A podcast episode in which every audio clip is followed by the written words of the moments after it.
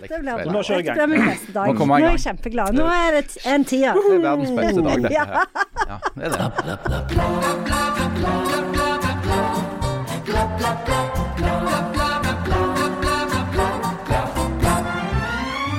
Det er jo ganske ulekkert når gamle folk moraliserer over russen. Så det har vi tenkt å gjøre med full kraft. Ellers er tredje verdenskrig avlyst. Jo! Janne er i opptil flere 17. mai-modus, eller Modi, som det jo heter i flertall. Jan får kjeft, og ei dame forteller om sitt rystende møte med tre Harald Birkevoller.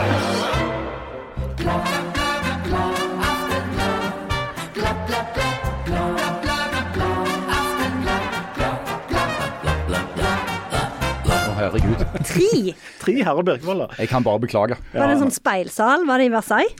Ja, det, det er nesten. Uh, hjertelig velkommen til alle dere ute til Aftenbladet. Vi har altså samla vår egen 17. mai-komité her. Uh, med vår store leder, kodenavn Henrikke Wergeland Nordahl Grieg. Janne Stigen Drangsholt, hjertelig velkommen. Takk. Og så har vi da utgangspunktet varamedlem.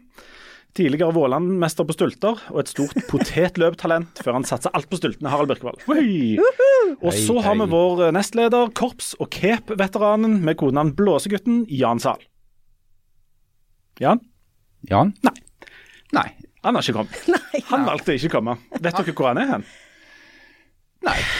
Hvor kan han være? Jeg prøver å spekulere, men eh, jeg Kan det være at han blir utredet for demens? Ja, Det kan veldig godt at han, at han er til en Om- liten utredning, en epikrise. Den der kjønnsskifteoperasjonen, var det denne uka eller neste? Jeg tror det- det var i eh, neste, for jeg tror de gjør det i partallsuka. Ja, det gjør det. Ja. Men det er altså, nå er det faktisk tirsdag ettermiddag. Da har, pleier du jo å ha sånn uh, styremøter i, i Storhaug swingersklubb. Kan det være det? Han kan være der, for jeg har hørt at han er blitt materialforvalter nå i, i swingerklubben. Og det er en alvorlig oppgave Det i sånne miljøer. det er en tung oppgave. Det, er, det mye som skal smøres opp. og- Det er òg årsmøte i Det er ikke så langt. Nei. Det er òg årsmøte i Foreningen for de med veldig store hoder. Det kan jo være han der. Det kan godt være det. Og Han, jeg forsto at han var, han var innstilt til en pris der. Han var det. Ja. Det er jo en veldig stor konkurranse, eller sånn tett konkurranse, men Jan er jo helt i teten der. Ja, ja, ja. Men hva er det for en caps? Om han caps? Ja, vet den, den prisen du får. Ja, Du får en caps som er skåret opp bak, sånn at du får den på. Altså, Det er en sånn sammenmontering av to, to capser. Det heter caps i flertall, sant? Én cap og så flere caps. To kepi. Heter det ikke capsi? Kepi. Vi har fått et spørsmål om akkurat dette. Jeg fikk en personlig melding. Og Uh, ja, ja, ja. Eh, skal bare se om jeg kan finne den igjen her. Jo, uh, det var altså angående dette med matretter i flertall. som, som jo er noe av en gjenganger i denne podkasten, som egentlig handler om aktuelle nyhetssaker. Og vann og vin. Vann og vin. Men vi er òg innom litt italiensk og latin av og til. Um, Jeg fikk eh, denne meldingen. Kan du spørre Jan Zahl og denne Birkevold-figuren Jo, takk. Det er en god åpning. Ja, veldig bra. Om de faktisk mener at vi skal si pizzi når vi snakker om flere Nei, pizzaer. pizza med E. Én pizza, flere pizza. Og så sto det til slutt de to må ta seg kraftig sammen. Men eh, altså, det heter flere Det er klart at hvis du kommer inn på, la oss si, Dolly Dimples, litt sånn, og så ber du om å få utlevert de fire pizza jeg har telefonisk rekvirert, så, så vil det jo ikke forundre meg om du får en på trynet. Men, men sånn rent formelt sett så er det jo da riktig. Er det Jeg tror heller ikke du får noen pizza. Hvis du sier det. Du får noe helt annet. Ja. Jeg tror du får i beste fall et litt sånn at du møter en slags vegg. En slags sånn hæ? type vegg, men jeg tror det kan gå an. Ja, du kan få denne hæ, men du kan òg, hvis du treffer feil person, Ja. så kan du få sånn du, gidd. Men du, hva, hva er regelen for disse Altså Når det gjelder pasta, da. Hvis du har flere pastaer, heter det da paste? Pasti. Pasti, plutselig. Hvorfor blir det i noen ganger og en noen ganger? For det, det, er ikke, altså, det er jo italienere, dette. Hva kan du gjøre? Jeg blir så sliten. Nei, jeg vet ikke hva du kan gjøre. Nei, altså de har nå sitt. Men fra spøk til alvor, eh, gjennomfører du dette Nei. hjemme? Altså? Nei, nei, nei, nei. Det er jo egentlig bare for å irritere vet ikke jeg, deg, eller ja. Men det er jo løye med det når du vet hvordan ting egentlig skal være. Sant? Så er det litt fristende av og til å brife med det, da. Sånn.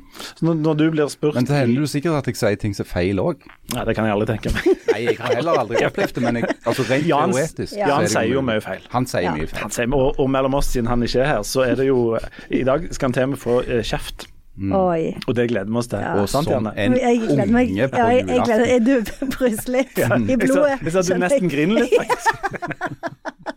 Men Jan skal få den kjeften, men jeg tror vi venter til Jan kommer. Ja, det må vi mest. Hvis du gleder deg sånn at du nesten kvalmen. Ja, faktisk. Jeg kjenner det nå. Du, ap ap apropos det å glede seg til du nesten er kvalmen. Ja. Det er jo 17. mai nå. Eh, Dette er jo siste sendinga vår før 17. mai. ikke Ja. det? Eh, er du i gang med har, har du skrevet disse talene? Ja, jeg har skrevet notater, eh, og så var jeg veldig bekymra, for jeg, hadde, jeg er jo en av de som leverer inn eh, bunadsskjortene til rens, fordi jeg ikke evner å stryke de. Så, så, altså fikk jeg ingen de, de sender jo melding når de er ferdige. Hørte ikke et pip. Så jeg var veldig redd for at eh, de var stjålne. Eller at de var tapt for Ja, ja, alltid. ja. Og at jeg måtte gå med ei sånn ei slags eh, vanlige skjorte under eh, vesten. Så du skal ha bunad når, dette, når du framfører disse to talene. Det er jo ikke én, det blir jo litt for, litt for knapt. Ja, Så det jeg, er to. jeg skal ha to, eh, og jeg har eh, nytt bunadsbelte, for jeg mista jo bunadsbeltet en gang. Eh, fordi at jeg lo sånn at det datt av. og så var det noen som hang det opp på en tau på ruten, og da var det ingen som så det igjen etter det. nei, nei, da er jo det blitt omsatt i narkotika for lengst, selvfølgelig. det. Noen som røykte opp det beltet for lenge siden. Men eh, kan du ikke være så snill å gi oss noen, noen glimt? Altså hva, altså hva disse talene Vil du f.eks. si at det har vært et annerledes år? Eh, ja, jeg er jo fristet til å gjøre det nå, fordi at det, etter at jeg har begynt å tenke på det. Du må gjøre det. Så har jeg jo forstått det sånn at det faktisk har vært eh, ikke bare ett, men opptil flere annerledes år. Det har det. Ja, litt spesielle tid. Ja. men Hvis du sier det, så kan du også se i publikum så kan du se hvem som nikker veldig, og hvem som ler og humrer. En brytningstid for Europa. Kommer du til å si det? Kommer du til å si sånn Kjære mannslem, velkommen til vår nye ytringsfriheter ytringsfrihet. Og her spiser vi alkohol og drikker svin og, og hilser på tar hverandre. hverandre i nesen. Ja. Og så går det litt hardt ut om det er lov å bruke andre typer flagg Ja, i toget. De Mm. Ja. Ja. Nei, jeg hadde tenkt Du skal bli kastet kaste innpå fra brannfakkel til brannfakkel. altså, hvor mange de kan få inn. Ja. Er, det, er det noen fra Ukraina her? Jeg det var ja. Det. Eh, Jeg nå ble jeg veldig usikker, men jeg, jeg hadde tenkt å snakke litt om eh, at det er en feiring av hverdagen. Ja. For det syns jeg er veldig fint. Ja, for det er jo egentlig det. Det er jo det motsatte av hverdag. Nei, men jeg eh, tenker at det er jo egentlig en feiring av hverdagen, fordi at eh, det er jo eh, vi kan jo altså, Hverdagen er jo grunnen til at vi kan eh, feire 17. mai nå, fordi at det, det har jo bare hatt en oppheving. Det er egentlig ganske fint tenkt, det, Janne. Ja, jeg syns òg det. For Det er jo det vi feirer. Det er jo adgangen til å faktisk ha en hverdag. Ja, det er det jeg òg tenker. Så det, det er det som skal være mitt hovedbudskap på 17. mai. 17. mai, 17. mai er jo òg på en måte Kristian. Å ja, nå, nå, nå var dere veldig enige her. Det er Mye kjekkere når Jan ikke er her. Ja, det er det faktisk. Jeg Ja. syns det er litt sånn mer behagelig For det at. Hvis han hadde sett oss nå, Ja. så hadde han sett liksom Get the Ja, han hadde det. Ja, sånn. Han hadde det. det Og så føler jeg liksom at det, jeg, jeg er ikke liksom hele tida redd for å bli angrepet fra den kanten. At det kommer sånn kjempestor hode mot deg. bare Jeg tror Jan, jeg tror Jan rett og slett oppfatter altså, vår kjærlighet som en trussel Ja, det tror mot jeg seg, også. og, og se sitt OK, nå ble det litt mye for meg òg, faktisk. Du, 17. mai er jo òg på en måte siste krampetrekningen for, eh, for russen. Ja. Ja. Eh, og hvert år så er det jo sånn at vi, mm, vi eh, irriterer oss over russen. Og så når vi har gjort det i ca. tre kvarter, så tar vi oss sammen og så irriterer vi oss heller over de som irriterer seg over russen. Og så er det en sånn voldsom diskusjon om eh, hvordan voksne skal forholde seg til den russen. Mm. Aftenbladet hadde en leder om dette for eh, ikke så veldig lenge siden. Det hadde de. Ja, det hadde de eh, med. De, de der hadde Og det. der vi Ja. selvfølgelig inntok den holdningen med at eh, ja, vi må ikke, være, vi må ikke moralisere over russen, men vi må love å si ifra òg. Den tok opp noen sånne problematiske, åpenbart problematiske ting med russefeiringa, Harald. Um, og Jeg regner med at du har det samme vanskelige forholdet til dette som f.eks. meg. At du er både syns det er enormt teit, og at det må være lov å være russ samtidig. Mm. Altså, Russefeiringer er jo et slags rituale, eller et karneval, om du vil. Eh, men så er jo òg kritikken av russefeiringer et slags ritual og et karneval. Om du vil. Om du vil. Eh, sånn at det er jo ikke fritt for at du kan sitte der som kommentator og, og meningsmenneske da, og tenke at det, fader òg, nå går vi liksom opp de, eh, de der opptråkka løypene igjen. Men kolon, så er det jo sånn at det, det kommer jo stadig vekk inn nye problemstillinger som du, som du liksom ikke har tenkt helt igjennom. og det som En av de tingene som har blitt satt veldig på spissen i år, eh, og som jeg syns det er viktig at folk snakker om, enten de er russ eller foreldre til russ eller bare er engasjerte, det er denne her russeindustrien. Eh, der du hører om ungdomsgjenger som leier russebiler som er verdt mange penger, mange millioner kanskje, med musikkanlegg som òg er verdt veldig mange penger, og som ikke får anledning til å tegne forsikring på de fordi at de er russ. Det er en slags catch 22-situasjon mm. som oppstår. Forsikringsselskapene vil ikke forsikre deg fordi du er russ, så, men så vil du ha den der bilen allikevel, og så er du i gang. Og Hvis den da brenner, som vi har sett eksempler på, eller noen stjeler musikkanlegget, som noen har sett eksempler på, så får du ikke dekka det. Og Da sitter du der i driten. Uh, og Da er det, tenker jeg, mediene sin oppgave f.eks. å spørre kan det være sånn at det skal være fritt fram for å leie ut kjøretøy og anlegg som ikke kan forsikres, til unge mennesker? Eller bør det reguleres på en eller annen måte? Bør utleierne pålegges en eller annen form for forsikringsordning eller en eller annen form for sikkerhetsmekanisme som gjør at disse her ungdommene ikke blir sittende som gjeldsslaver etter russetida, f.eks.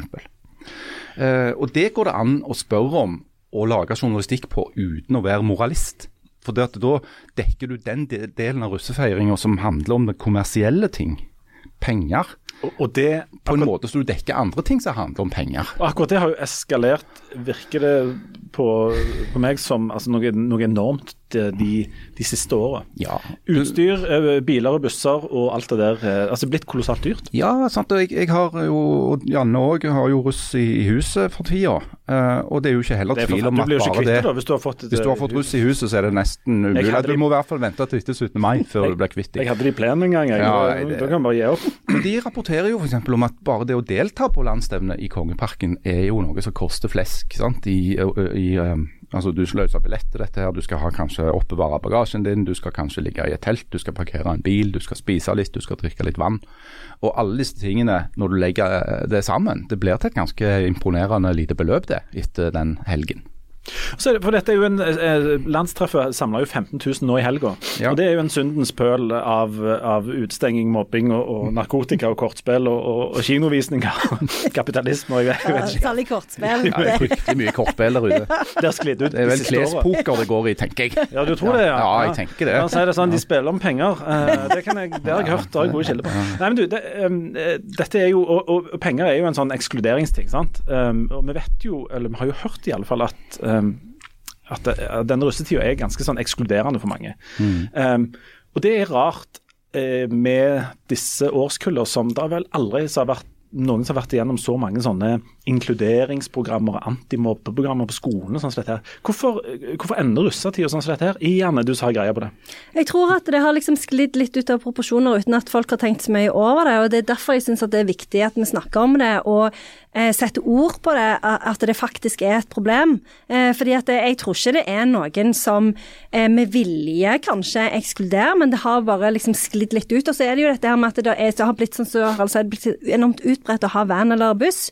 Og hvis du har en venn, så er det så og så mange plasser. Og da liksom sånn, ja ok, men da kan ikke den personen være med, eh, for vi har ikke nok plasser. Og så stemmer de og sånn. Og så, eh, og så da, er da syns jeg at det er kjempeviktig å ta dette, eh, ta en samtale om dette. Men hva kan en gjøre? og, og jeg så jo òg at det var en sånn en kronikk av en sånn en eh, far som, som eh, mente at liksom det å være vandreruss var liksom nærmest en skjebne verre enn døden. og det syns jeg òg er litt løye, da. Eh, fordi at det, jeg tenker òg at, eh, at det der med å være vandreruss, da, det er jo den fine tingen med russetida, for der kan jo alle være med. Og sånn som jeg vet at på Sandnes videregående skole f.eks., så har de jo hatt en sånn en eh, gruppe på Messenger hvor, hvor, hvor alle kan er vandreruss, kan registrere registrere seg. Så, for det, alle disse herne som kjører, de er jo ute på denne her Mesjarvika. Ja. Og det er jo òg litt sånn ekskluderende. Det er jo dritlangt, og du kan jo bare komme deg dit hvis du har buss eller van. Så det, jeg tenker at det, at det er viktig å snakke Altså, en har respektregler på barneskolen, en har sånne eh, regler og, og, reguleringer opp gjennom, men akkurat når det er russetid, så er det på en måte fritt vilt, og så har det bare eskalert, eskalert litt uten at noen altså, har gjort noe. Det blir jo en slags uh, Hvis Jan hadde vært her nå, det er han jo ikke. Han er jo ikke det. Han, Nei. ja, han hadde vært veldig hadde protestert veldig nå. Han, å, nei, han hadde enten protestert bare for å kverulere, som han ofte gjør, eller så hadde han begynt å snakke om denne hobbesianske naturtilstanden. og, det, og der han et, hadde han hatt et poeng hvis han var her og hadde sagt det. Ja. For det, at det som skjer etter disse, som du sier, Jan, etter tolv år hvor de har blitt tuta ørene fulle av at alle skal med og stopp ikke mobb og alle er like gode, eh, første gangen de får anledning til å liksom, sette dette ut i livet, så velger de det motsatte. De velger å gå tilbake til et klans- og stammesamfunn hvor noen er med og andre ikke. Og så har det jo vært diskusjon i det siste om, eh, om russetida er den nye konfirmasjonen. Eh, og det syns jeg jo er veldig interessant. For det er jo sånn som du sa i stad, Harald, at det, eh, hva det betyr russ, det betyr noe sånn Eller det er en forkortelse av cornus deportianus, eller et eller annet sånt, som betyr å fjerne hornene. Hva, hva er det i flertall? Eh, deportiati. Ja, det, det sier nesten seg selv. Unnskyld. men eh, det er ikke det det heter, men det er noe lignende. Det betyr i hvert fall å ta vekk hornene. Og det er jo nettopp eh, en, eh, at du peker på dette her med at en skal kvitte seg med barndommens villskap. For før så tenkte en jo ikke at barn var ordentlige mennesker, en tenkte jo mer at de var villdyr, da. Så at når du på en måte blir ferdig med videregående, så kan du gå inn i Det er jo et overgangsrite. Ja. Sånn, ja, det er jo det. men da er jo Altså, jeg tror jo at veldig mye løser seg hvis du, ha, hvis du, liksom får snakket om dette her greiene, og hvis det er en bevissthet om det, at de snakkes om det på skolen osv. Men så er det nok visse ting du aldri kommer vekk fra. Og det er at mennesker har jo en slags tendens til å alltid velge liksom, seg en flokk eller en liten gruppe. Som, for det er et eller annet behov vi har, tror jeg, å, å definere oss som enten innenfor eller utenfor et eller annet fellesskap. Eh, men heldigvis så er det jo sånn at de aller fleste finner jo sin, sin måte å takle det på, da. Alle, alle, som har vokst opp, alle som har vært ungdommer, vet jo det at på, på, klassen eller på trinn eller på skolen så var det noen som var kule, og så var det noen som var frikete, og så var det noen som var kristne, og så var det noen som bare spilte fotball. Så det var jo sånne klikker, og det er det jo kommer det alltid til å være. Ja, men det er det jeg syns er et problem. fordi at det, sånn som så f.eks. når de begynner på videregående, så innkaller jo eh, lærerne til foreldremøter, og så tar de opp dette med russetida. Men jeg opplever at den eh, presentasjonen som du får av russetida, der den er ikke helt sånn kompatibel med sånn det er i virkeligheten. Så jeg tror at vi må nyansere den diskusjonen, og òg tenke på dette her. For at det, eh, de begynner jo å snakke om russetida og organisere disse gruppene veldig tidlig. Ja på videregående. Og siden det er såpass organisert, så blir det jo ikke bare sånn at det, frikerne er der og eh, fotballfolka er der. Det blir, altså det blir en mye mer sånn strømlinjeforma organisering, og det er det som er problemet. Jeg mener det var hun Elin Ørjasæter, som er en sånn samfunnskommentator, som skrev en, en, en, en kronikk om dette fenomenet og sa at altså det, det, du kan kalle russeindustrien, som er den den kommersielle biten, altså de som prøver å tjene penger på russen, de tjener penger på unge menneskers frykt for å havne utenfor. Frykt for å skille seg ut, frykt for å havne på utsida. Eh, og den frykten er så sterk at den er, skaper et enormt marked, altså i kroner og øre. Det ser du jo på andre områder òg, når det gjelder f.eks. motepress og sånne ting. Den frykten for utenforskap kan du omsette til penger. Og Det gjelder det å være oppmerksom på. Og I frykt for å gå deg i næringa, Harald, skal jeg si noe veldig voksent og kjedelig. Takk. Jo, bare hyggelig. Men um, dette er jo òg Altså, russetida er jo i utgangspunktet ikke organisert veldig av noen. Um, og, og, skolene er jo Vi vet jo at skolene har en sånn middels sans for det. Altså, Jeg tror ingen skoler vil si at uh, ingen skal få feire noe, men den, særlig denne uh, russetida som på en måte varer mye lenger og tar mye tid nå. Skolene er ikke så veldig interesserte. Foreldrene er jo, har en sånn sunn skepsis, og disse ungdommene skal prøve å organisere det sjøl. Så de som har noe å vinne på at dette eskalerer, er de som har penger å tjene på det. sant? Mm. Det er de som selger ting, de som um, eh, har eh, landstreff altså all, all, Alle disse herrene her. Det er de som eh, til slutt kan sitte igjen med penger. De har noe å vinne på at det blir mer. Og, at det, og, tenk, på den, og tenk på den skjevheten som er i den situasjonen. Disse er profesjonelle. De har gjort det 100 ganger. De de treffer, gjør det for første gang. Du er bare russ én gang. Så når du er russepresident og sitter i russestyret sånn én gang, da skal du inn og skal du forhandle med eh, garva businessfolk som har gjort dette 100 ganger, og så skal du liksom få en bra deal. Hvem er det som tror på det? Det er klart at den der eh, terningen er loaded, som du sier. Hvis du ikke er fra Norge. Mm. Og da ville du ikke sagt det. Hva ville du sagt hvis du var fra Norge? Det der gamet der er rigga. gamet er rigga? Ja. Hvilken del av Norge tenker er du? Du skjønner hva jeg mener. Sant? Da er det for lure. Ah, ja, ja, men, men, eh, jeg tenker òg at eh, Og jeg er for at eh, den fraværsregelen fremdeles ikke er i spill, men, men en ser jo òg nå i vår at det, særlig nå i russetida, der er jo knapt folk på skolene. Det er klart de har jo mer enn nok med å komme til hektene. ja. Ja, det var jo det er jo sykt langt å sykle til ja, det var en russ som sa til, til Aftenbladet at det er ingen fraværsregel, ingen eksamen, vi kjører på. Ja. Og det, En kan jo ha en viss forståelse for den Ja, ja. vurderingen, eh, som det så fint heter. Det, jeg, ser det, jeg ser jo at noen har lagt til rette for dette her. Ja. Ja. Og Så skal det sies da at uh, det, det virker som om Hvis vi tar landstreffet eh, som, som jeg har prøvd å følge litt med på. Det virker som om de som arrangerer det, er nokså fornøyde. Politiet er, nokså, er godt fornøyde. Det var 15 000 der. De hadde 23 saker, som vel er mye mye mindre enn på en måte kanskje i utelivet ellers. Um, Handelsstanden på Ålgård er jo kjempefornøyde. Kan jo ha sammenheng med at de tjener noen kroner på dette. Det Men- har en tendens til å dempe liksom, de verste smertene, at du tjener masse penger. Men de sier at oppførselen er gode. Og til og med uh, Roy Steffensen i Frp, som bor på Ålgård, han som hadde da eh, bass i veggene sine gjennom hele helga, syns egentlig det var, det Men var han ok. har, det har han jo veldig ofte, Roy. Han kjører jo hardt uh, på det? Festfronten der hjemme. med Roy? bass og Nei, jeg har ingen grunn til å tro. Han er jo småbarnsfar. Ja, det er sant. Ja. Jeg, han har blitt sånn friluftsmann Han er småbarnsfar og friluftsmann, nå. det er nye Roy vi snakker om. Det, det er nye Roy.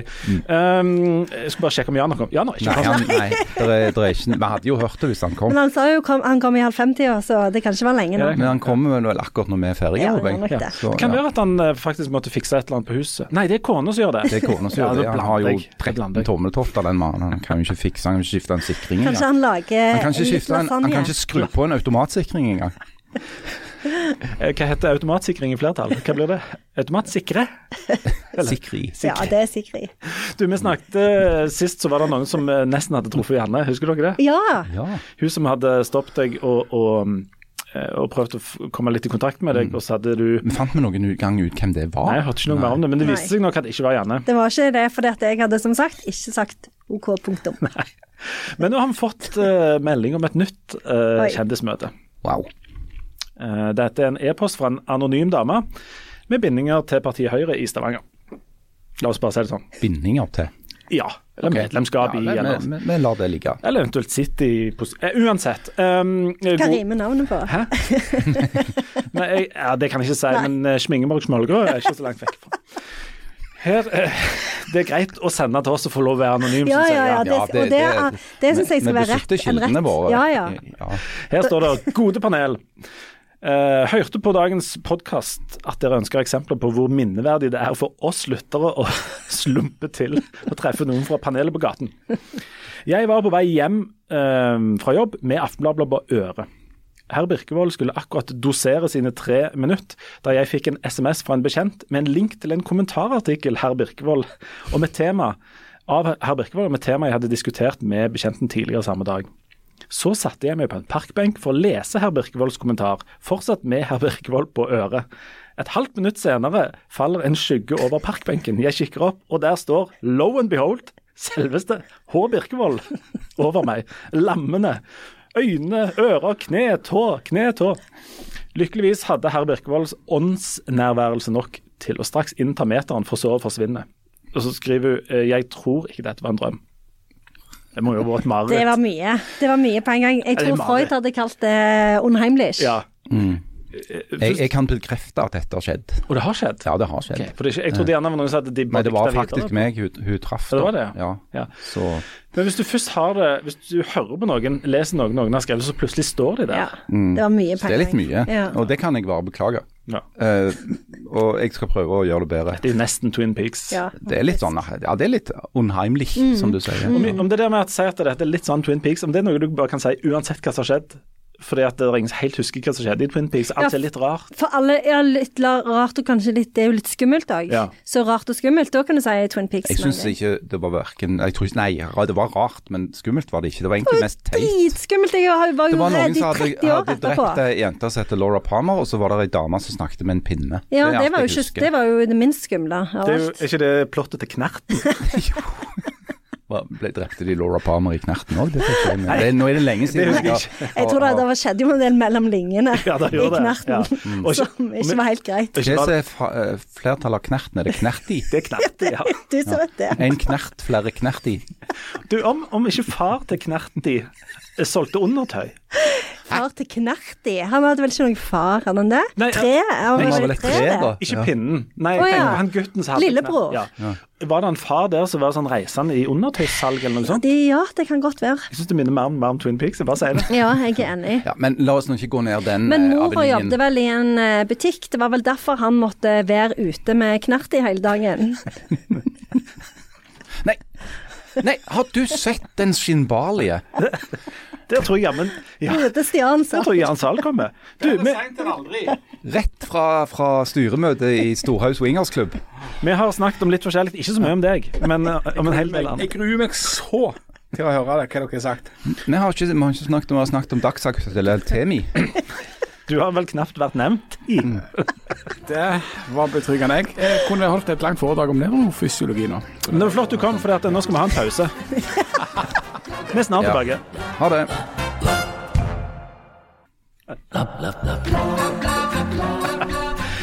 Hjertelig velkommen til Aftenbladet. Vi har nå fått med oss uh, sistemann i 17. mai-komiteen her, uh, nemlig korps- og cape-veteran Jan Blåsegutten Sal.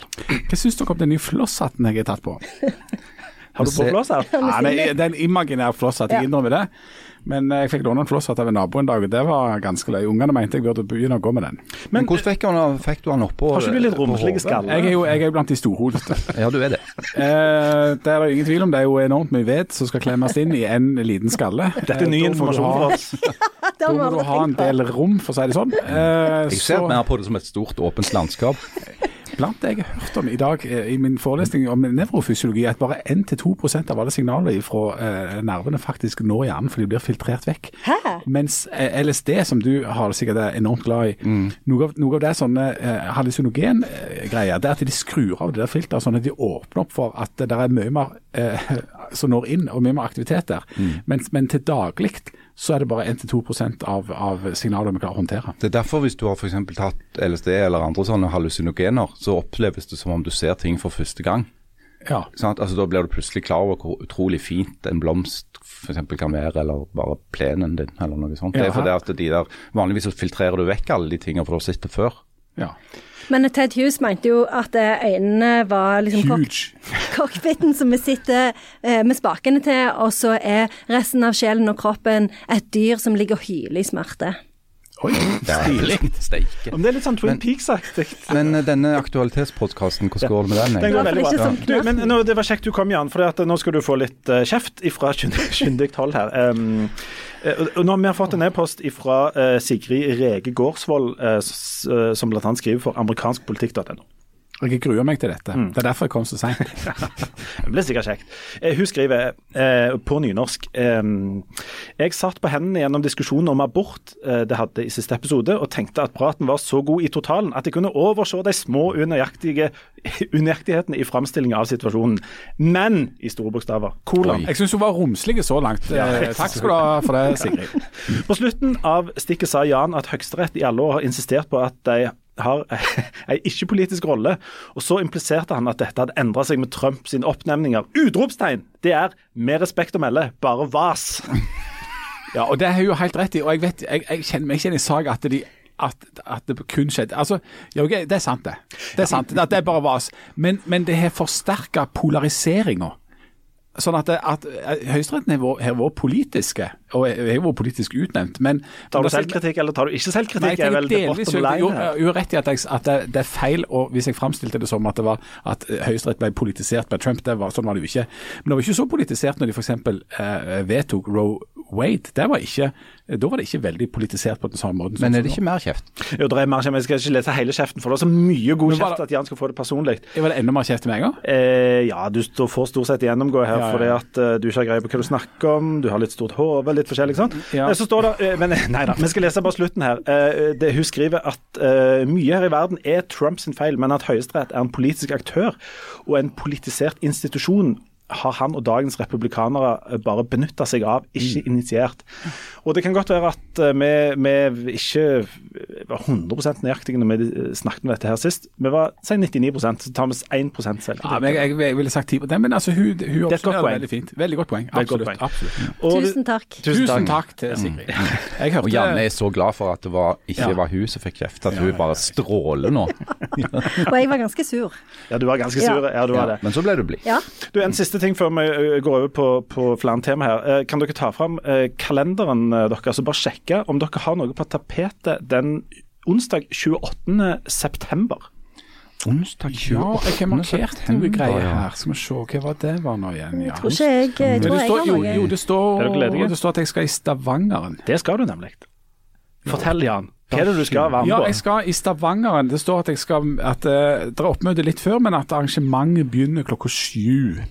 Da står det at, eh, på min kalender at Aftenbladet live på Stavangeren står det der.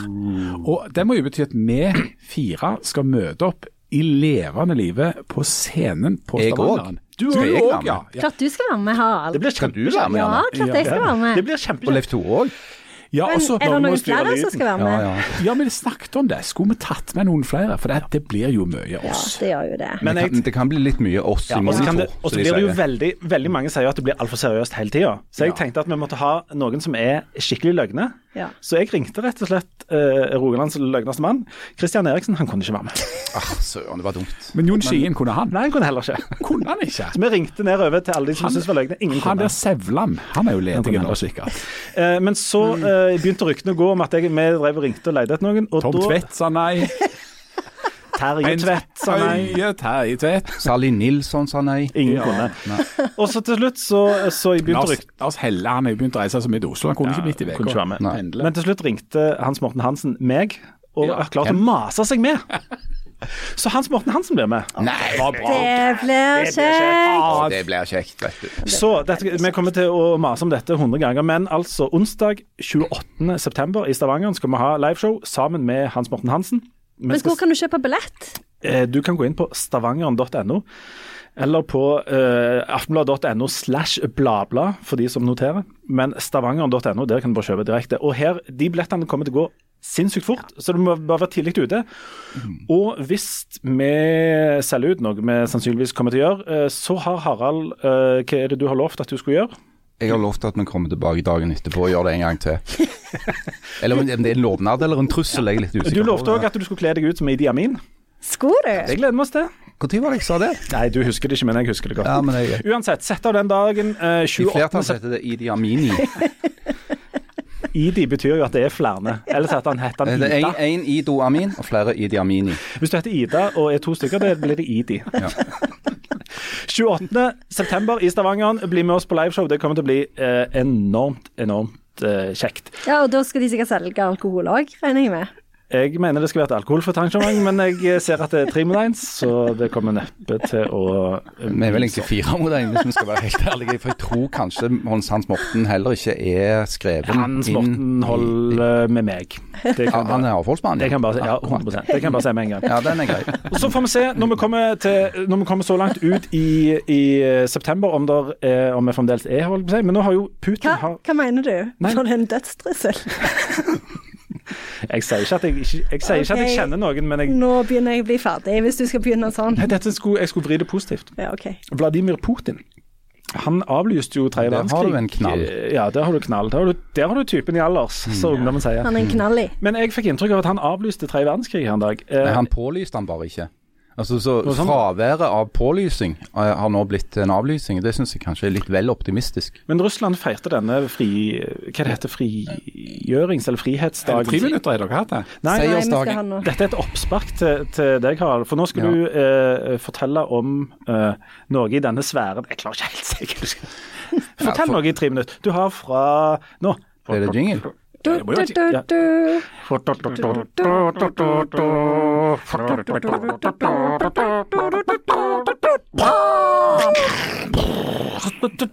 Liksom Jeg trodde ikke vi gjorde de denne krigstingene. Nå på mandag så var det da den store eh, feiringen i eh, Russland av eh, Sovjetunionen sin seier over Tyskland eh, i andre verdenskrig, 9. mai. Det var den dagen eh, tyskerne kapitulerte. Eh, og dette er da en svær markering hvert år, i, ikke bare i Moskva, men over hele Russland over denne dagen. Eh, og mange var på forhånd veldig nervøse for at eh, Vladimir Putin, Russlands president, skulle benytte den anledningen til å eskalere eh, krigføringen i Ukraina. F.eks. med å formelt sett erklære krig. For så langt så har jo ikke Russland erklært krig mot uh, Ukraina. Tvert imot insisterer jo Russland på at det som skjer i Ukraina bare er en militærteknisk operasjon. Uh, og Det som hadde kunnet skje hvis Russland hadde erklært krig mot Ukraina, var jo bl.a. at de kunne mobilisert langt flere soldater, uh, vernepliktige, mange millioner. Og, og, Mange var redde for at dette kunne gi da anstøtet til en eh, utvidelse av konflikten, at det til og med kunne bli en krig i, i, i Europa generelt. Eh, det skjedde ikke. Eh, Putin brukte talen sin til å framføre noen av de eh, vante nokså eksotiske teoriene om dette og hint, eh, og snakket igjen, eh, gjentok disse påstandene sine om at de var i Ukraina for å bekjempe nazismen. Eh, de har jo valgt å, å, å bruke det som et sånt propagandavåpen. At uh, den ukrainske regjeringen og store deler av den uh, ukrainske hæren skal være dominert av nazistiske elementer. Noe som har veldig eh, svak rot i virkeligheten. men det var ingen krigserklæring. Og det er klart at det er jo en lettelse, det.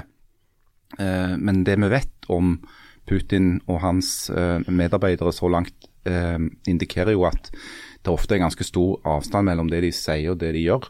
What? Ja, sånn at det, jeg tror nok fortsatt at den viktigste indikatoren på hva som skjer i Ukraina, er hva som skjer i Ukraina, og ikke hva Putin sier at han har tenkt å gjøre. Han hadde jo noen eksotiske teorier om at, eh, at egentlig så var det Nato og Vesten som planla å gå til angrep på russisk territorium. Ja, og det er jo Nå skal jeg bruke sånn Janne Stigen Drangsholt uttrykt et narrativ som Russland har eh, pusha ut hele tiden. At det som skjer i Ukraina nå er en konsekvens av eh, aggresjon fra Nato og fra Vesten, eh, som utgjør en trussel. Han framsatte bl.a. en teori om at det var en nært forestående Nato-ledet invasjon på Krim-halvøya, som Russland annekterte i strid med folkeretten fra Ukraina i 2014. Eh, noe som førte til en del eh, forfjamselse i, eh, i, Nato, for de hadde ikke hørt om, om dette angrepet de hadde planlagt. alltid, Det er sånn det er siste som får vite det hver gang. Sist, Jens Stoltenberg, alltid den siste som får vite om sånne ting. Men, men, du må sjekke spam-mailen spam din, Jens Stoltenberg. Men så er det sånn, og det er jo noe som jeg har litt tungt på hjertet for tida, det er at når en da prøver å sette seg ned og høre på dette her, sant? og prøver å forstå hva russerne driver på med. Eh, hvis en f.eks. er en norsk kommentator eh, eller en samfunnsdebattant, og så prøver å forstå, altså, så sier du jo Russland har en oppfatning, feilaktig eller ikke. Eh, det er ikke sikkert de tror på det sjøl engang, men de, de, hevder at det de gjør er en respons på eh, en eller annen form for handling fra Vestens side, en eller annen form for aggresjon. Og De kommer for stadig for tilbake til dette med potensialet for at Ukraina kan bli medlem i Nato det ser de på som en skikkelig rød tråd. Eller nei, ikke rød tråd, rød, en grense sammen, en rød linje. Mm. Eh, og det er jo ikke tvil om at, uh, Nato har jo sett døra på gløtt, og kanskje enda mer, for at uh, Ukraina skal kunne bli medlem. Så, og det å påpeke at det kan være en sammenheng mellom det og det, er ikke å forstå Russland, eller ja, iallfall ikke å unnskylde Russland. Det er bare å peke på hva, hva vi tror kan være grunnen til at alt dette jævelskapet skjer. Uh, så det frustrerer meg litt at de som prøver å analysere uh, Kreml, uh, blir beskyldt for å være en form for sånn apologeter for Putin. Det oppfatter de virkelig ikke å være.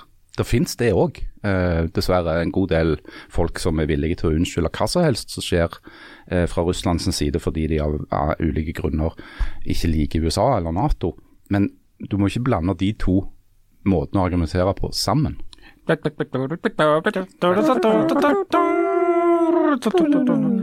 Ja, er, dere snakket om, er dere snakket om Bono?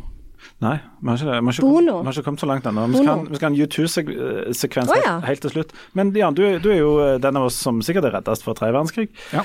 Fordi at du er du er opplært sånn hjemmefra. Jeg er opplært og oppvokst i, uh, i det. Jeg òg. Vi måtte øve oss på hjemme hos under pulten når jeg gikk på skolen. Og når jeg var i militæret, så fikk vi utle utlevert blant mye annet løye en klesbørste som vi skulle bruke og alltid skulle ha på, sånn at vi kunne børste av oss atomnedfall. Atombørsten. Ja. Atombørsten. Denne uka fikk vi brev med Heim Ranselpost, med han som går i femte klasse, om, eh, der vi måtte gi beskjed hvis vi, hvis vi gikk imot å ta imot jodtabletter eh, i tilfelle atomulykke, som det var eh, kjekt formulert i tittelen. Som er en sånn påminning i ranselen til en eh, fyr på ti år som du ikke vil ha, egentlig. Og Altså. du vet jo at de der jodtablettene de inneholder jo sånn 5G Ja, sporingsutstyr det er Bill- som Bill Gates ligger Bill. Gates og Ja. han George Soros har lagd. Ja. Men tilbake til denne krigen. tilbake til denne krigen. Er, det, er- det sånn nå at um, Altså, Putin har jo prøvde jo å gjøre dette raskt, virker det som. Og så Ja. gikk ikke det så enormt godt, gikk ganske kjempedårlig. Og så uh, vil han prøve å gjøre det litt seint. Men er, er det, har denne krigen endra noen sånn særlig karakter de siste ukene, sånn sett ifra Norge? Virker Putin annerledes, eller er det liksom eh, Holder de bare på nå, og, så, og, og sånn vil det bli et år og to og tre framover? Skal stå og stange. Altså Problemet er at det blir jo enormt sånn, selv hvis du har hovedfag i sammenlignende politikk, så blir det litt sånn fjernanalyse, eh, virkelig på avstand. Eh, det er jo det er, det, er mer, det er mye mer komplisert å være Russlandsekspert enn å være USA-ekspert, på hobbybasis. Blant annet fordi at i, i USA der finnes det masse fri presse og masse journalister som holder på og sånt, eh, på et språk som det går an å forstå. Men noe av det interessante synes jeg nå med, med hele denne situasjonen, eh, og, og, og situasjonen borti Kreml og borti Russland, og sånt, er at vi vet jo omtrent ingenting. Det er nesten ingen som vet noen ting som helst. Det er masse som går rundt og har masse teorier og tenker, og, og mye sånn, sånn Ja, og han skal visstnok ha blitt rasende, og han skal visstnok ha ditt og datt, og skal visstnok ditt og datt. Bare det at vi ikke ante før Putin holdt talen hva det var han kom til å si, sier noe om at det er jo Altså I alle andre demokratier, og selv om de prøver å, å, å holde tilbake på lekkasjer, sånn, så har du en idé om hva det er som kommer for noe. Men her vet vi jo ingenting. Vi vet ikke hva han tenker. Vi vet ikke hva det er de eh, snakker om internt. Det er bare enormt mye teorier. Og der er vi alle omtrent like gode eller, eller dårlige. Ja, men I, i, frykt med meg, I frykt for å legge meg ut med, med de som driver russiskpolitikk.no. Ja. Det, Eh, det, nei, det- det- det sikkert. Men jeg, jeg, leser jo mye Det hadde vi sikkert heller ikke visst. Jeg leser jo mye ledere i svenske aviser. Ja. Sånn som jo Nei, men jeg, jeg, jeg, litt sånn via via så kom jeg over en sånn der det ble beskrevet en del ting om russisk økonomi. Som jeg syns var det, Der sto det bl.a. at uh, den Du tenker på den fra Dagens Industri, Ja, ikke sant? ja. For jeg leser jo alltid òg de. Jeg leser mye Dagens Industri, uh, ledere, særlig ledere og, og utenriksstoffet der. Eh, men der sto det at den russiske økonomien ikke er større enn den nordiske, f.eks. Nei, noe mindre enn Spania sin. Ja. Det sto òg at Russland har, bortsett fra råvareeksport, har de ingen egentlig ingen sånn reelle eksport. Altså de, de lager ingen tech-selskaper. De har ingen sånne store suksesshistorier. Eh, Våpnene som, eh, som de finner i, etter bombing i Ukraina, viser at omtrent alle komponentene er fra Frankrike og USA. Og. Italia, Ja. Tyskland. Og de går tom for dette på et eller annet tidspunkt. tidspunkt. Um, og, og sånn som det ble beskrevet der, så virker det som om på en måte Russland, hvis dette drar ut, kan gå på en enorm smell. Ja, altså det, det, det er klart det kan, kan det. Altså, Putin har jo lagd en, en enorm fallhøyde for seg selv. Fordi at det, ta, det lader iallfall ikke så langt. og Det er jo det som Jan er inne på. Det er jo et informasjonsunderskudd. Du vet jo det kommer ikke inn informasjon fra Kreml som, som sier noe om hva, eh, hva mål de hadde med, med krigføringen, hva planer de har for å avslutte den. Eh, og Når du ikke vet det, du vet ikke engang hva Russland vil regne som en akseptabel seier, hva som er nok for dem, eh, så er det veldig vanskelig å forutse hvor langvarig krigen blir, og hvor langt de er villige til å gå til å nå de målene vi ikke vet hva er. Eh, Og Det som jeg har, har opplevd, i alle fall, det er at jeg sitter og nileser bøker om Russland og Putin, i mangel av noe annet. Eh, Jeg leste akkurat ut f.eks. denne boken til den amerikanske historiker som heter Timothy Snyder som har skrevet to bøker. Den første handler om, om generelt om tyrannier, og den, den nye den handler om, særlig om Russland og, hans, og Russland, Putins forhold til Ukraina og USA. Eh, og du, du kan jo bli ganske matt, fordi at Snyder går ganske langt i å indikere at Putin nå, altså den Putin i 2022, er en person som er ekstremt påvirka av veldig ytterliggående, til dels fascistiske ideologer og filosofer. Eh, han henta bl.a. hjem levningene av denne fascistiske Ivan Iljin, som døde i Sveits. Han, han, var, han, var, eh, han var omtrent samtidig med Lenin, altså en gammel mann. Eh, hvis han hadde levd i dag, ville han vært nesten 170 år. Eh, Henta hjem levningene han, og hans og ga en statsbegravelse i Russland eh, for noen år tilbake. I, I, en form for rehabilitering av en uttalt fascistiske tenker. Eh, og Hvis det er sånn at Putin sitter der i Kreml eh, nokså isolert, eh, uten at han har noe, bruker ikke internett, eh, får ikke noe informasjon utenfra, har, har liksom sunket ned i et slags filosofisk, fascistisk kaninhull, så gjør det jo det hele enda mer uforutsigbart. Og, nå, og, nå, og nå, er det som har vært nå etter den talen, jeg vil at både Macron og den amerikanske presidenten har snakket om altså hvordan, hvordan kan det finnes en vei ut av denne krigen for russerne. Altså, mm. Hvordan skal de klare å komme seg ut av dette? De, de, de, de kommer ikke ut av det med æra i behold sånn mm. uansett, nærmest, men, men det må finnes en eller annen utvei, en eller annen måte å avslutte det på. en eller annen et, et eller annet. da. Ja, for det, det, det, du, det, du, håper på, det er jo at uh, Putin og Putins Russland er en såkalt rasjonell aktør. Altså de, de har et mål, uh, de har noen teorier om hvordan de skal komme til det målet. Uh, de har noen krav. Uh, men når du ikke får noe ut om hva det går på eh, Det var jo det som bl.a. var eh, f.eks. Macron eh, sitt, sitt, mål når han dro til, til Putin og satt for enden av det der vanvittig lange bordet. Sånn, det var jo egentlig bare å spørre han altså, hva er det dere vil? Hva er liksom endgamet her? Og du får ikke noe svar. Men når du ser Putin og hører han snakke f.eks. om dette eurasiske riket, som er en av de der ideene som, som Iljen og andre sånne eh, filosofer eh, lanserte, så ser de jo for seg ett verdensrike som minner nokså guffent om et annet verdensrike som en korporal fra Østerrike prøvde å etablere for 70-80 år siden. Eh, som skal strekke seg fra Lisboa til Vladivostok. Altså hele Europa og hele det eurasiske kontinentet helt bort til Stillehavet skal være et slags verdensrike eh, styrt av en sterk mann og av kirken. Kjempeidé. Kan det være at han bare er forbanna? Altså Hvis han ikke kommer seg på nett, Putin? Ja, jeg jeg tenkte på det. Ja, ja, Du vet jo hvor irriterende det ja. kan være. Ja, og nå kommer jo snart Stranger Things sesong fire, og så sitter han der. Mm. Det er ikke meningen å flåse vekk dette, men jeg, jeg, vet jo hvordan det der er. Jeg, jeg husker en gang vi var uten nett innen en time. Uten at du kan ha litt humor på det der tullet, så er det vanskelig å håndtere det. Det er rett og slett vanskelig å håndtere. Plutselig så er det en ny episode av noe der, og så alt, tenker du alle Altibox-greiene. Liksom. Men han er en ganske skremmende figur. Det er bare det, og det, Jo mer du leser om hva som foregår i og rundt Kreml, jo mer skremt kan du bli. Mm. Og så er det jo det der med, med altså Det er én ting eh, med, eh, med, med, Putin, men du har jo òg det Altså for dette det Hvis vi skal bruke ordet narrativ igjen, da, så er jo narrativet som finnes innenfor eh, Russland sine grenser som folket tar del i, og som har blitt fora folk eh, i lange, lange tider, det er jo helt annerledes enn det som vi har. Og, og sånn så Hvis en tenker på den feiringen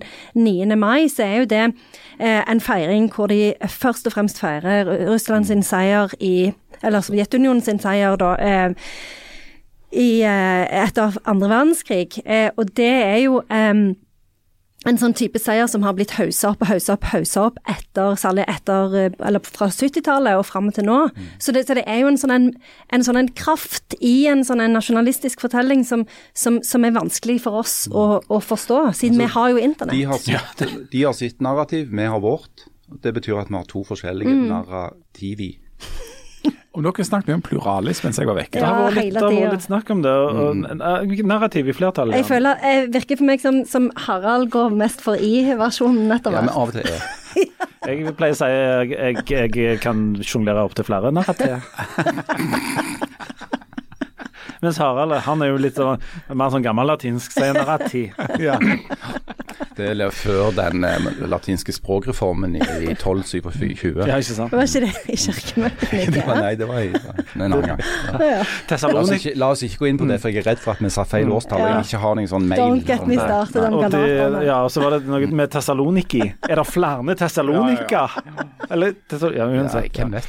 Du, eh, siste ting om det Russland-greiene, som er igjen for, i frykt for å bli Harald Birkevold, sier noe voksent og kjedelig. Er ikke det en sånn en gang der det viser seg at uh, det er veldig viktig å både lese og kjenne historie for å forstå det som foregår nå. Siden det er vanskelig å i sånn realtime vite hva som skjer i Kreml, f.eks. Ja, men men det er at du jo kan også- forstå mye av det med bakgrunnen til dette. Ja, og det er jo kjempeinteressant òg, for det er jo òg noe som, som går inn under dette her med hva slags historie er det som blir fortalt. Og det, er jo, det er jo en gjenganger f.eks. i eh, Putin og Kreml sin eh, måte å snakke på. Det er å knytte det som skjer til historien. Eh, ikke minst det såkalte Kyiv-riket som, som oppstod. Altså det første russiske statsdannelsen skjedde jo ikke i Moskva, som ikke fantes da, men i Kiev. Eh, og da under ledelse av Valdemar, Vladimir, Valdemir, sant? Vladimir Putin. Han er da en slags åndelig arvtaker til Russlands første hersker, fyrst Valdemar. Eh, sånn at de bruker jo historien aktivt. Veldig Harry Potter. De bruker historien aktivt til å lage en alternativ historie. Men derfor er jo svaret på spørsmålet om det ikke er viktig å lese historie, at eh, ja, men eh, ikke for mye. Du må ikke forlese deg på historie heller. Er. Eh, det kan, historie kan også misbrukes. Altså, når på Balkan og sånn, så var en veldig opptatt av et eller annet eh, slag på Kosovo-sletta på 1300-tallet.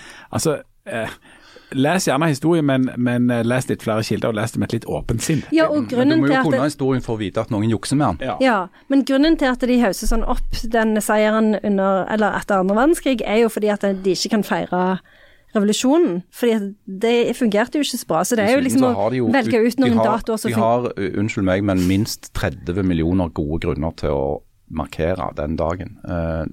Sovjetunionen sine menneskelige ofre under andre verdenskrig er helt ut av skalaen store. Ja, ja, men det er jo ikke for å underspille de, men, men det er jo det er jo helt klart sånn at du velger de dataene som gagner deg best. Selvfølgelig. Så, så det er jo Sånn, sånn gjør jo vi òg. Ja, og vi, vi, blir det jo sånn at vi får en inneklemte dag. Det er jo det som er det viktigste når vi feirer ting, at vi har inneklemte dag. Ja, for eksempel sånn så i, i år, så 16. mai. Ja. Mm. Ja, for Jeg tenkte jeg skulle komme inn på det helt, helt mot slutten. altså Det der med inneklemte dager og Ja. 16. mai og Men sånn. bare en liten, eh, en, enda, enda siste ting med sånn Du har jo det til felles med, med de stakkare ukrainerne at Bono har drevet og plaget deg.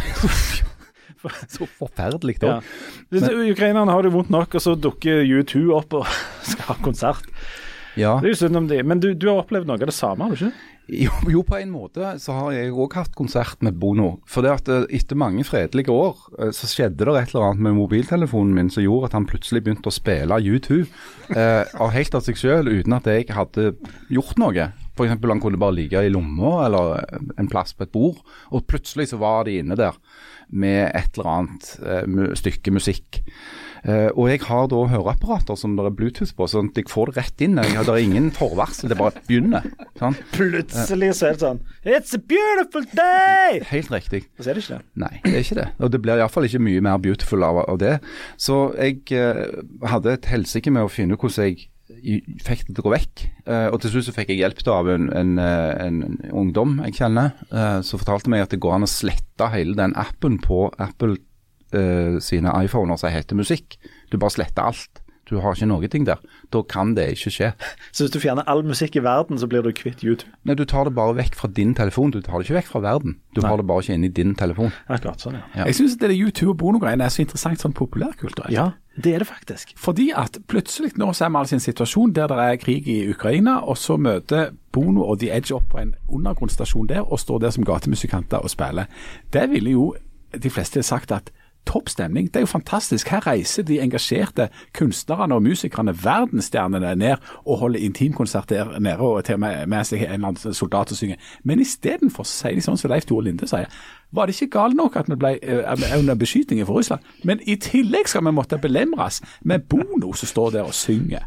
Hva er det for noe? Altså, Hva er det som har skjedd med porno? Hvordan kunne, hvordan kunne YouTube gå til å bli liksom det verste eh, på sida av på en måte sånn der en, eh, missil eh, som fantes? Det var etter The Joshua Tree. Nei, var de ikke det var lenger etter ja, ja, ja, men det, Det var ikke ja, da det begynte. Ja, for La meg ta litt av den der reisen. For at når YouTube begynte en eller annen gang på tidlig 1980. 80-tall, ja, 1980, sant? så kom de ut med en sånn tre-fire plate så med sånn svart-hvitt-bilde som heter Boy i oktober og sånn, War. der, og War og sånt. Og liksom alle elsket de, syntes det var fantastisk med disse engasjerte eh, eh, folka som engasjerte seg i noe sånn sosialt og viktig, og i tillegg lagde musikk, og, og det var så flott og, og alt det der greiene her. Da kan jeg eh, eh, fortelle at jeg selvsagt hata det, syntes det var noe hekkans drit. Eh, sånn, det ligna jo på ja, nei, for, Det var forferdelig. Kunne ikke fordra det. Jeg var jo opptatt av ja, bra band som Whitesnake og ACDC og, og Bon Jovi og sånt. Så det der. Så, Jeg var veldig fan av Duran Duran, så jeg var heller ikke så veldig fan Nei, av. YouTube. Altså, for noe drit. Eh, og så sånn der sosialt mas og sånn. Ja, ja. Og Spar deg liksom. Sunday Syng, en sang, hold kjeft. Så, eh, så kom det til et punkt der de ga ut eh, den der Joshua Tree først. Den, den, den hørte jeg heller ikke på, men så ga de ut Rattle and Hum, som var sånn et livealbum, der, det- der det var en film som fulgte med. Og da gikk de jo tilbake til røttene. Så Ja. da begynte de å spille blues. Og hva er det heavy rock består av? Jo, det består av blues. Så ifra eh, ifra den plata av begynte jeg å like U2.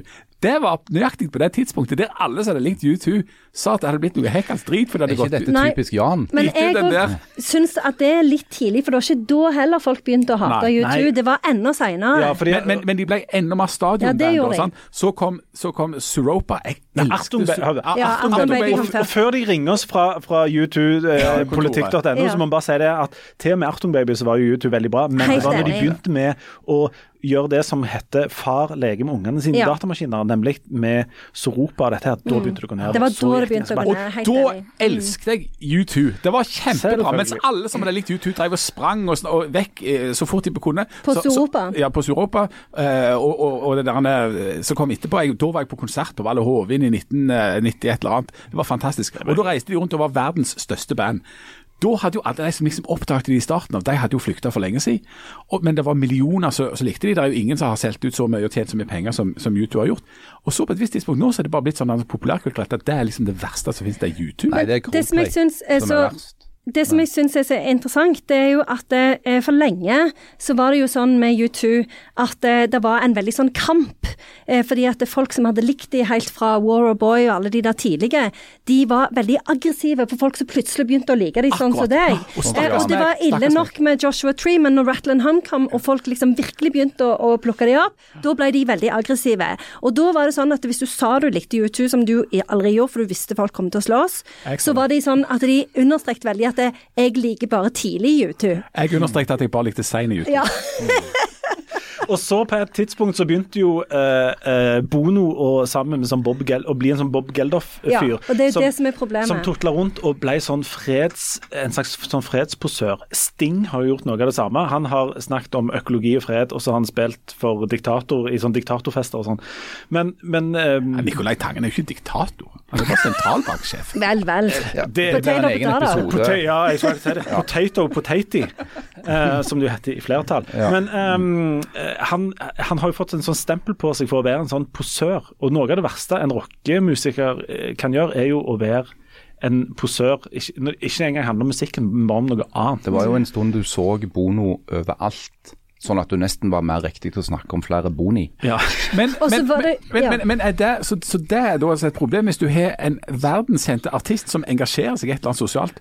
Da skal vi iallfall hate han. Da Nei, er men det jeg, drit. jeg tror ikke det, det var bare det heller. Det var bare det at det, fordi at eh, U2 virker hele tida så enormt sånn gjennomført um, De var seg sjøl hele tida. De var liksom katolikker, de var politiske, de gikk med liksom disse her eh, vanlige klærne og så ut som de var fra Gandal, hele gjengen.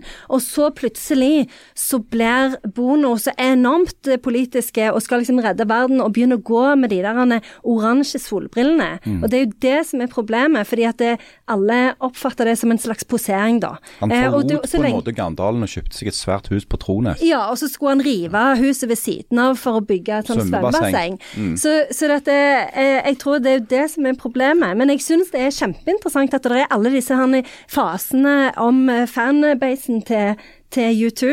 Og så er det, viser det seg at det er problematisk for uh, Vi vil jo gjerne ha artister som er engasjert i noe, og som, og som vil noe. sant?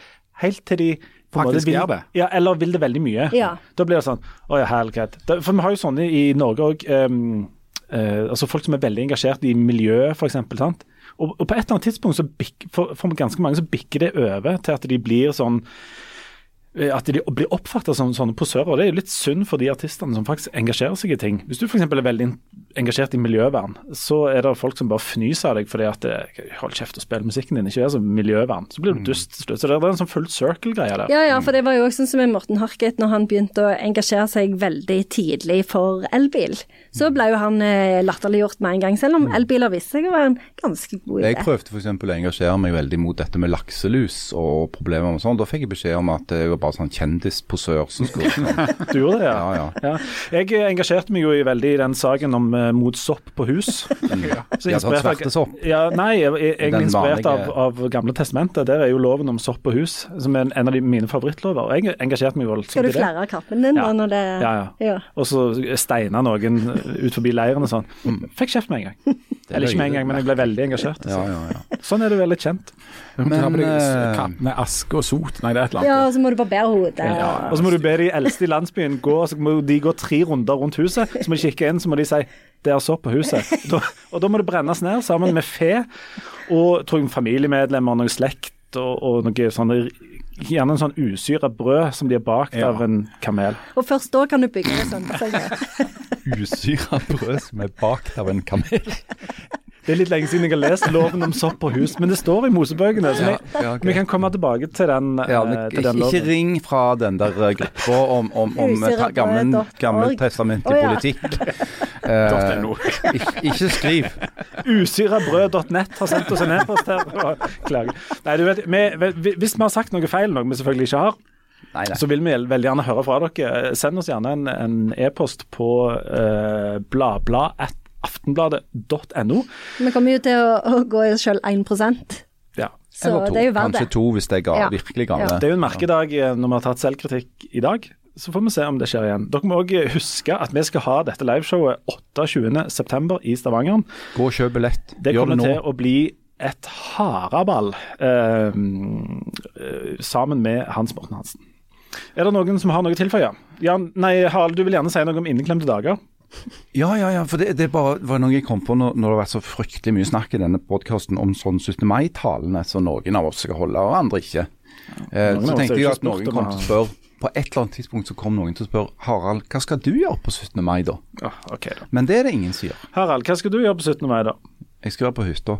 Skal du? Kjempespennende svar. Alene. Hæ? Nei. Skal du det? Hvorfor?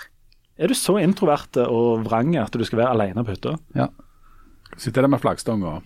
Har du flaggstang på hytta? Jeg angrer på at vi jeg Jeg, la oss Bare glem det. la oss Eh, ikke vi åpne eh, Pandoras-esken der. Takk for i dag. Du må være, bare være grei og ikke sende oss bilder. Ikke tale om Vi er tilbake om ei uke, eh, med eller uten eh, Harald. Nei, jeg er med neste uke. ja, Neste uke skal jo jeg på konsert med a-ha. Det gleder meg veldig Det skal til. jeg òg. Mm, det blir kjempegøy. Kanskje vi ses? Jo, vi kan det.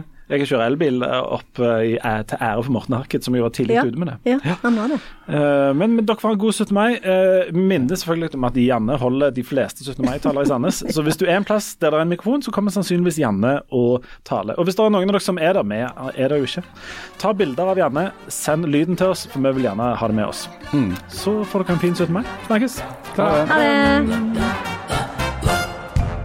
Føler ikke 16. mai er en inneklemte dag. Nei, jeg føler heller ikke det. Men på det er en kanskje mandag, liksom. Er Ja, men er det ikke det litt i år siden det skal være fri, og da må du jo gå du må jo, Det er jo ting du må ordne, liksom. Hva da, på en mandag? Eller? Nei, altså når jeg før 17. mai, tenker jeg, hvis du skal ha folk og sånn. Bunad må jo settes. Ja. Nei, må- Noen må jo pusse det der sølvet. Men jeg er mener at inn, inneklemte dager per definisjon bør være mot slutten av uka. Ja, altså, jeg syns jo det er en uting at 17. mai ikke alltid er på eh, Altså at det går an at 17. mai kan være på en lørdag eller en søndag. Ja, Det det syns jeg er veldig rart. Ja.